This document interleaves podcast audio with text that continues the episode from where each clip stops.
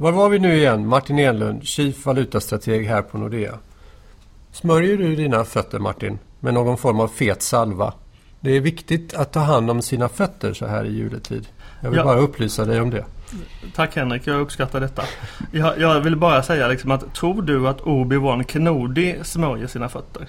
Och där har du nog svaret. Ja, jag vet. Jag tar inte hand om mig själv Nej, på okay. det sätt som man kanske borde för att vara en sann metrosexuell. Men det var inte det vi skulle prata om. Var det inte? Nej. Nej. Det är snart jul. Och i juletider så infinner sig någon form av undantagstillstånd. Vi har frosseri och överdåd och distraktion och normala konventioner och beteenden checkar ut. Riksbanken verkar ha använt sig av någon form av undantagstillstånd när de igår höjde styrräntan till noll. De frångick sin konvention, sin egen reaktionsfunktion i termer av att konjunktur och konjunkturutsikter är det som avgör räntan. Vad var det för tvångstanke som fick dem att höja räntan till noll efter att ha varit förslavade under sitt inflationsmål? Så hanterar de plötsligt sitt penningpolitiska mandat som om att det vore en total frihet att göra precis vad de vill. Skitsak samma vad ekonomin signalerar vart konjunkturen är på väg. Vad säger du om det här? Vad, vad var Riksbankens, hur ser du på Riksbankens räntebesked igår? Vad, får, vad fick det för konsekvenser? Vad kommer det få för konsekvenser? Vad säger du om framtiden för kronan, svenska räntor? Du får lägga ut texten precis hur du vill Martin. Oj, en hel bombmatta med ja. frågor så här i sena december när man sitter och är, är jäst av julglögg och annat mumsigt. Ehm, Riksbanken då, man kan väl säga att ibland när jag vaknar om nätterna så funderar jag lite på om vi lever som om Sverige är en dröm, en lek eller ett kanske experiment. Eh, och det här gäller ju också applicerbart på Riksbanken. Man, man, vad är det som pågår? Det är någon slags drömlikt tillstånd. Man feberyrar fram och ingen förstår någonting. Eh, men äntligen hände det helt enkelt den här veckan då i december. Riksbanken har höjt räntan till noll. Ingen begriper varför de gjorde det. Givet som du säger Henrik, fallande tillväxt, fallande inflationsförväntningar, stigande arbetslöshet och då fortsatt oerhörda svårigheter för Ingves och hans glada gäng att få upp inflationen till det här eh, ja, påhittade inflationsmålet om 2 procent. Eh, men man levererade till slut och alla har ju dragit slutsatsen att det är någonting med den här minus som Riksbanken har bestämt sig för att man inte gillar längre. Och min gissning är väl att man har känt av, eh, vad ska man säga, trycket från allsköns debattörer och andra att äh, men det är nog dags att sluta med minus. Så man höjer egentligen bara av en PR-åtgärd. Och svårigheten för Riksbanken att motivera varför man gör som man gör det är nog för att de inte riktigt kan det. De, vill de kan inte riktigt visa korten. För då hamnar de i ett väldigt svårt läge om de skulle känna att de behöver sänka igen. Så det är nog en ren PR-höjning de har klämt ur sig nu i december. För de försöker motivera det med konjunkturen?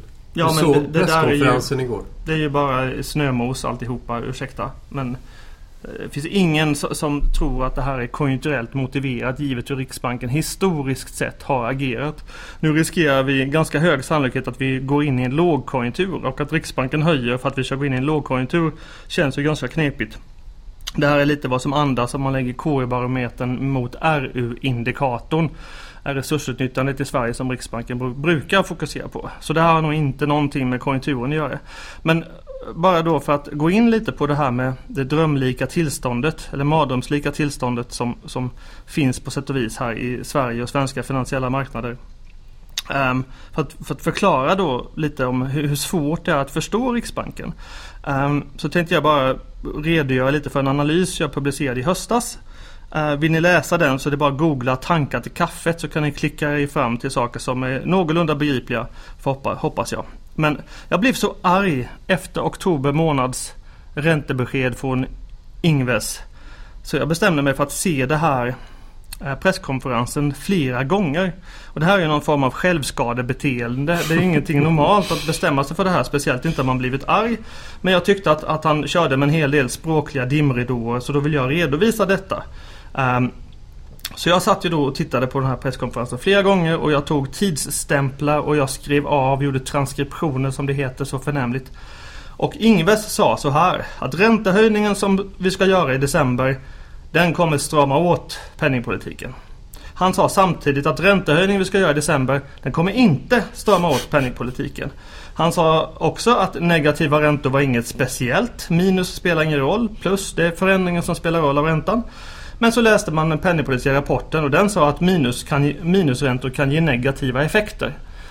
Så Riksbanken säger emot sig själva på fler sätt än ett och sen förväntar de sig att de ska bli förstådda. Någonstans här har vi ett problem. Mm. Jag förstår dig. Absolut. Visst är det så. Eh, vad blev effekten på i marknaden då när det här beskedet kom? Det var ju ganska väldiskonterat som det heter. Det vill säga att marknaden redan förstått att det skulle bli en höjning. Och ränterörelsen och kronrörelsen var tämligen ringa. Oerhört modesta ja. får man väl säga. Uh, Men det är ju den korta räntan i Sverige, det vill säga reporäntan som är noll. De längre räntorna? Alla långa statsräntor fram till tioårspunkten på yieldkurvan är fortsatt minus. Uh, fram till tioårspunkten är faktiskt lite positiv. Men, men eh, så vi har ju alltså inte lämnat minusränteregimen även om Riksbanken har höjt räntan till noll. Och då frågar ni där ute i, i stugorna när ni sitter och surplar på glöggen. Men eh, varför alls? stats, om, om styrräntan är noll, inte kan väl statsräntorna vara lägre? Jo, det är de för att Riksbanken har köpt sönder hela den svenska statsobligationsmarknaden. Så det råder otroliga bristpremier på olika statsobligationer. Så vi har fortsatt mycket minus på räntekurvan och det kommer ligga kvar ganska länge om Riksbanken inte bestämmer sig för att höja ännu mycket mer eller sluta med sina QE-program. Sluta med den penningpolitiska jakobinismen skulle man kunna säga. Ja, alltså... om, man vill, om man vill göra sig själv märkvärdig. Men det vill ju inte jag.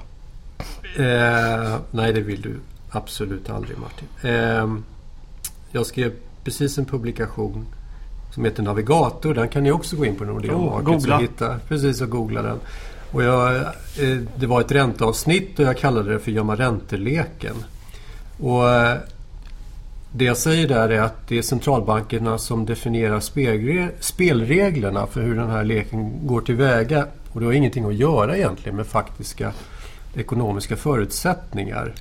Eh, och i grunden så säger jag att det här har att göra med att Riksbanken eller centralbankerna har ett binärt förhållande till sina inflationsmål på 2 det, det är ett mål som är som en dinosaurie.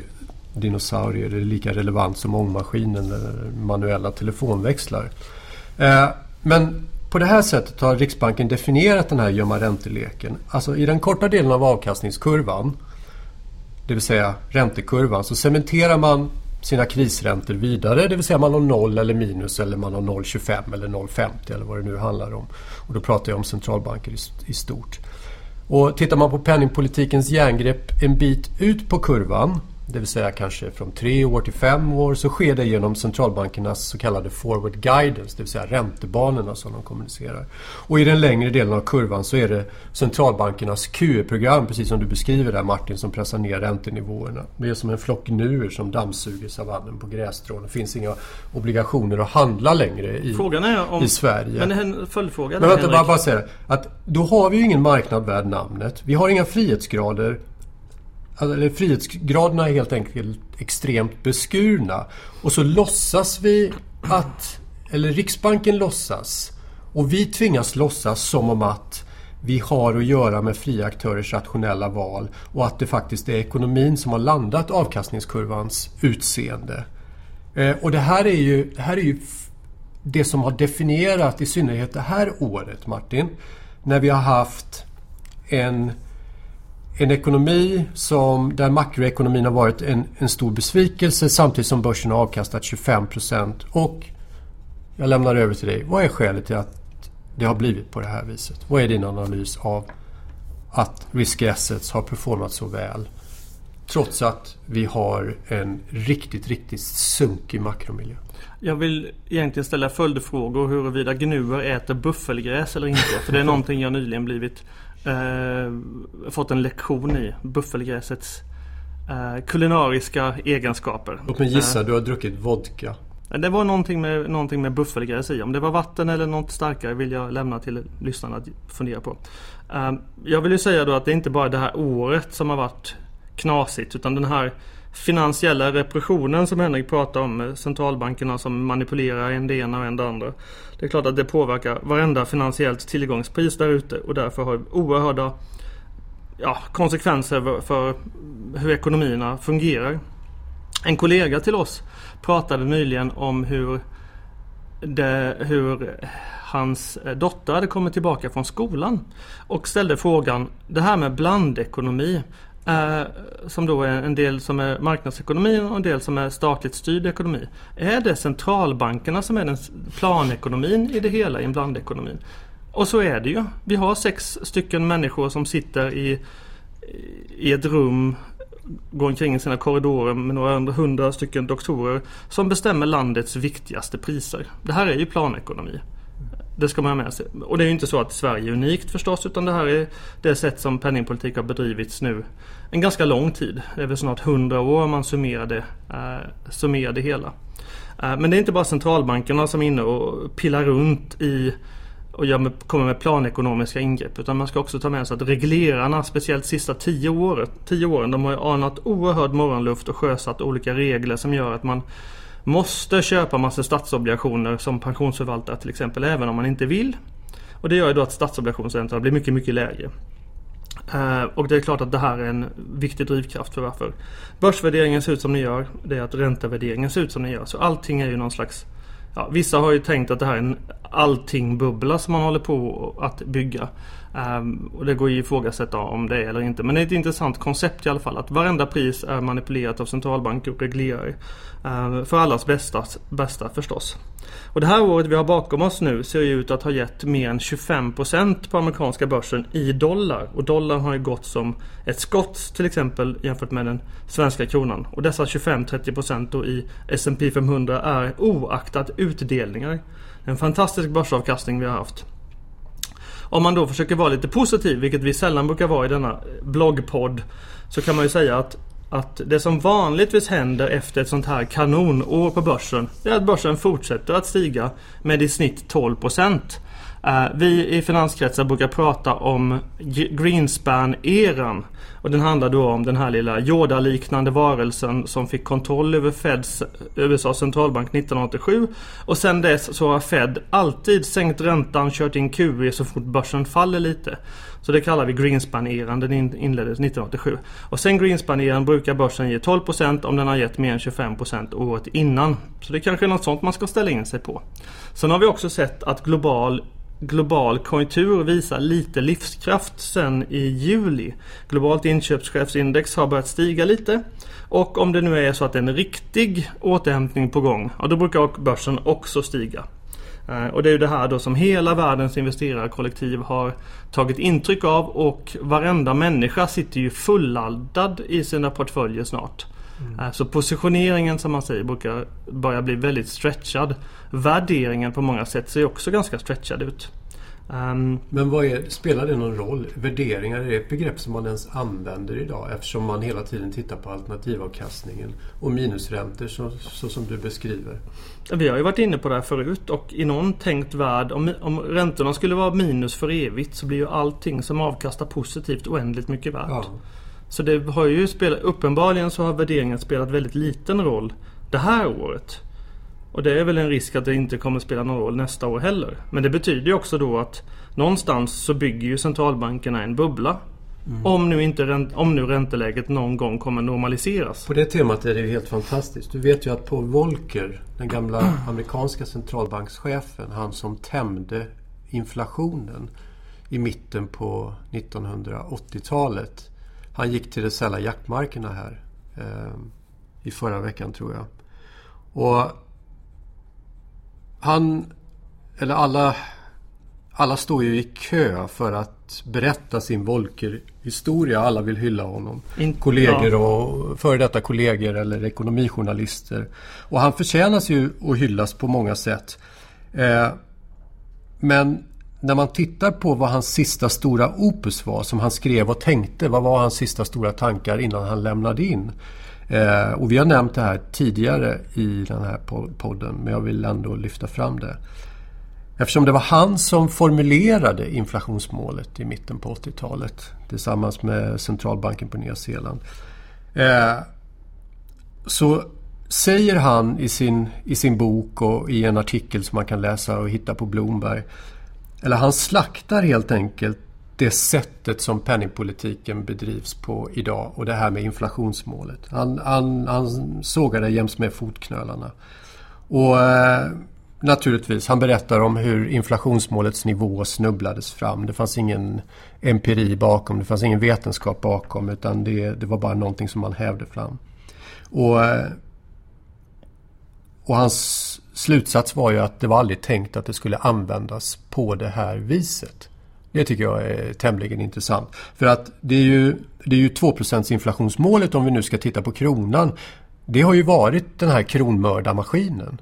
Riksbankens strävan efter att uppnå 2% som är fullständigt omöjligt eftersom alla varor som produceras i Kina som vi importerar in i vår KPI-korg, ja, de växer inte med 2% per år. Och så leder det till skuldsättning hos privata hushåll. Och det är svårt att få upp inflationen när vi delar arbetsmarknaden med Sydostasien som jag varit inne på förut. Ja, precis. Jag kom nyligen i kontakt med en byggfirma nära där jag bor och det visar sig att den byggfirman anställer bara asiater. Den hette till och med någonting sånt, att Asian Building, något sånt där. De anställer ja. bara asiater, burmeser och thailändare för att de är billiga. Så svenska byggarbetare, i den mån det finns några sådana, de lönekonkurrerar alltså med burmesiska byggarbetare. Precis. Arbetskraft har blivit en commodity. Men det var ju det som var poängen med eh, Paul Volckers eh, som, som sagt var sista opus. Det var att penningpolitik handlar bara om ett gott omdöme, ingenting annat. Försök inte räkna på det i matematiska modeller och, och göra en vetenskap kring det. För det funkar det inte. Det finns inga tecken på om, om, omtag där dock om man tittar rent globalt. Utan man är fast i samma övermatematiserade modelltroende eh, regim kan man säga. Sen vill jag ju då kanske oartigt av mig, men jag brukar vara oartig. Eh, det handlar om Folker. Ja, han var en duktig tjänsteman och nu tar han bladet från munnen i slutet av sin karriär får man väl säga då. Men hans hans batalj med inflationen sent 70-tal, speciellt tidigt 80-tal, som han vann till slut. Det var ju också inledningen av en era man kanske kan säga att den nyliberala eran inleddes där på 1980-talets början. När kapitalet till slut tog makten till fullo över uh, arbetet helt enkelt. Maktrelationen arbete-kapital försköts något oerhört och folket var ju instrumentell i att iscensätta det där. Så, och min fundering här har varit att när man tittar tillbaka lite på, jag hade någon presentation där jag pratade om att eh, makroekonomins tidevarv den tog slut 2005 ungefär. Och med det menade jag fram till 2005-2006 så hade vi inga regleringar. Man brydde sig inte så mycket om centralbanken. Utan allting var bara fria kapitalströmmar som åkte hit och dit och gjorde sina grejer. Och det var ju en era som inleddes av Folker, Thatcher och Reagan. Mm. Så min fundering nu och har varit ett tag att vi står ju inför någon slags bryt, bryt, brytpunkt eller brytningstid globalt tror jag. Och frågan är om inte Trump och Johnson reflekterar, eh, speglar ett annat skifte som har börjat i västvärlden åtminstone mm. i stort. Jag har ju alltid sagt att globaliseringen är, det vi upplever nu är ett hack i kurvan. Globaliseringen kommer fortsätta. Men jag är nog benägen att tänka om kring det. Det ser faktiskt ut som Jag vet att, att vi har pratat om det här i podden. Ja. Jag har tyckt att du har varit ute och seglat. Så ja. att du ja, joinar mitt läge nu. Ja. Men om vi... Så här. No någonting som har hänt i marknaden på senare tid eh, som är tämligen signifikant. Kronan har stärkts med 50 öre jämfört med de 10,93 som Eurosec printade 9, 9 eh, oktober eller vad det var. Vi är nere på 10,45 nu. Vad är din tolkning av eh, den, den eh, rörelsen? Man måste välkomna Riksbankens räntebesked att höja räntan till noll. Eh, det är såklart kronpositivt. Vi tänker oss fortfarande att det finns så mycket negativa globala och inhemska drivkrafter som motiverar en fortsatt svag krona. Men vi, har inte riktigt, vi var inte riktigt med på den här rörelsen på 10,90 till 10,45 eller vad det nu har blivit. Eh, vi trodde väl att kronan skulle stanna tidigare än 10,45. Men ibland har man fel. Och vi är fortsatt väldigt skeptiska till kronan. Um, just av globala skäl. Riksbanken fortsätter att bygga sin balansräkning. Man har alltså någon slags QE-program. Man köper allt som rör sig. Och det här riskerar att skapa flöden som underminerar kronan. Vi är fortsatt bäsiga global konjunktur, amerikansk konjunktur, europeisk konjunktur. Och det brukar vara en miljö som är ganska dålig för kronan. Um, Plus ja. att jag brukar ofta lyfta fram arvet. Vi har en 45-årig devalveringstrend Jo. i kronan. Och så länge vi inte ändrar på vårt beteende så varför, varför ska den här trenden då upphöra? Jag skrev en, eh, en trudelutt idag eh, om den här långa försvagningstrenden. Att, det är en, att kronan är en produkt av arv och miljö och kronans 45-åriga deval, devalveringshistorik. Det ska ses i ljuset av tvillingforskaren och beteendegenetikern David Licken. Hans formulering när han krast sammanfattar den melankoliska människans möjlighet att påverka sitt sinnestillstånd. Han säger att försöka bli lycklig är som att försöka bli längre. Att försöka få en stark krona är fullständigt omöjligt. Eh, givet, det här, givet det här arvet. Men Riksbanken försöker ju på något eh, genmodifiera det här arvet genom att höja räntan på ett obegripligt sätt till noll. Och kanske lyckas de, vi får se. Jo, det, man kan ju fundera kring det där. Att en, för, ja, eh, en, en analys som vi har brottats med är huruvida Minus och QE, obligationsköpprogram, tillsammans har gjort eh, marknadsläget för kronan extra toxisk eller giftig heter det väl. Och det handlar om att om, om räntekurvan är minus och Riksbanken kör QB då skrämmer det väldigt effektivt bort vissa investerare från den svenska marknaden. Um, och att om man då lyckas höja yieldkurvan så att den till exempel på 2, 3, 4 årspunkter handlar positivt då skulle de här flödena kunna komma tillbaka. Ehm, vi ser ju då i dagsläget en yieldkurva som är negativ fram till 10-årspunkten. Så vi tror inte att de här flödena kommer komma tillbaka. Men det är ju någonting vi skulle kunna eh, felbedöma att de kanske kan komma tillbaka tidigare än vad vi tror. Ja. Tack vare höjningen då till noll. Eh, det går inte att utesluta. Sen ska man också ha med sig att höjningen har inte trätt i kraft ännu. Den trädde i kraft först den 8 januari. Vilket är om, om några veckor. Via, på grund av olika helg och, helgeffekter och tekniska effekter. Men jag vill gå tillbaka lite. Eh, vi är fortsatt kronbäsiga. Vi tror att kronan ska tappa lite på kort sikt av olika oroshärdar som riskerar blossa upp en, två, tre månader framgent. Men blickar vi mot slutet av 2020 så är vi lite mer optimistiska. Det kan man ju ta med sig. Ni får gärna läsa vår senaste prognosuppdatering. Um, där vi pratar om den tyska filosofen Leibniz som inte är en kaka. Men gå in på nexus.nordea.com så kan ni hitta den där prognosuppdateringen. Jag vill säga någonting om nästa år. Uh, Henrik börjar skruva på sig Nej, här. jag, jag skruvar jag, jag, kom ju bara, jag kom ju bara halvvägs i min nästa årbörsbetraktelse här. Så, eh, är man positiv så säger man om börsen har gått upp 25% så brukar den gå upp 12% året efter. Så det är bara att köpa allt som rör sig. Man kan också konstatera att global PMI verkar ha bottnat och då brukar det också gälla att vara riktigt lång börsen. Um, in i 2020 då. Men man kan också vara lite så här småtråkigt, gnälligt, småländsk och säga ja men å andra sidan så kan man då konstatera att börsvärderingen säger ju redan att ISM, amerikanska inköpschefsindex, den ska upp till 60 enligt vissa börsvärderingsgrafer vi har gjort. Eh, och S&P 500 har handlat som om globalt inköpschefsindex redan har stigit till 54. Så, så väldigt mycket positivt är diskonterat. Och vad händer nu när Boris Johnson ska precis som Trump slita bort dörren från sin Jaguar antar jag i förhandlingarna med EU. Det riskerar väl att orsaka rubriker som kan tolkas negativt. Och vad händer egentligen med kinesernas PMI? Man tycker ju att, att, att den har stigit oväntat lustigt så kanske finns det lite luft där. Och dessutom, varenda tomte är ju nu bullish börsen. Mm. Då är ju pain trade att börsen faller igen. För tre månader sedan var varenda människa taxichaufför, alla var ju underviktade börsen och låg i penningmarknadsfonder. Men det är man inte nu.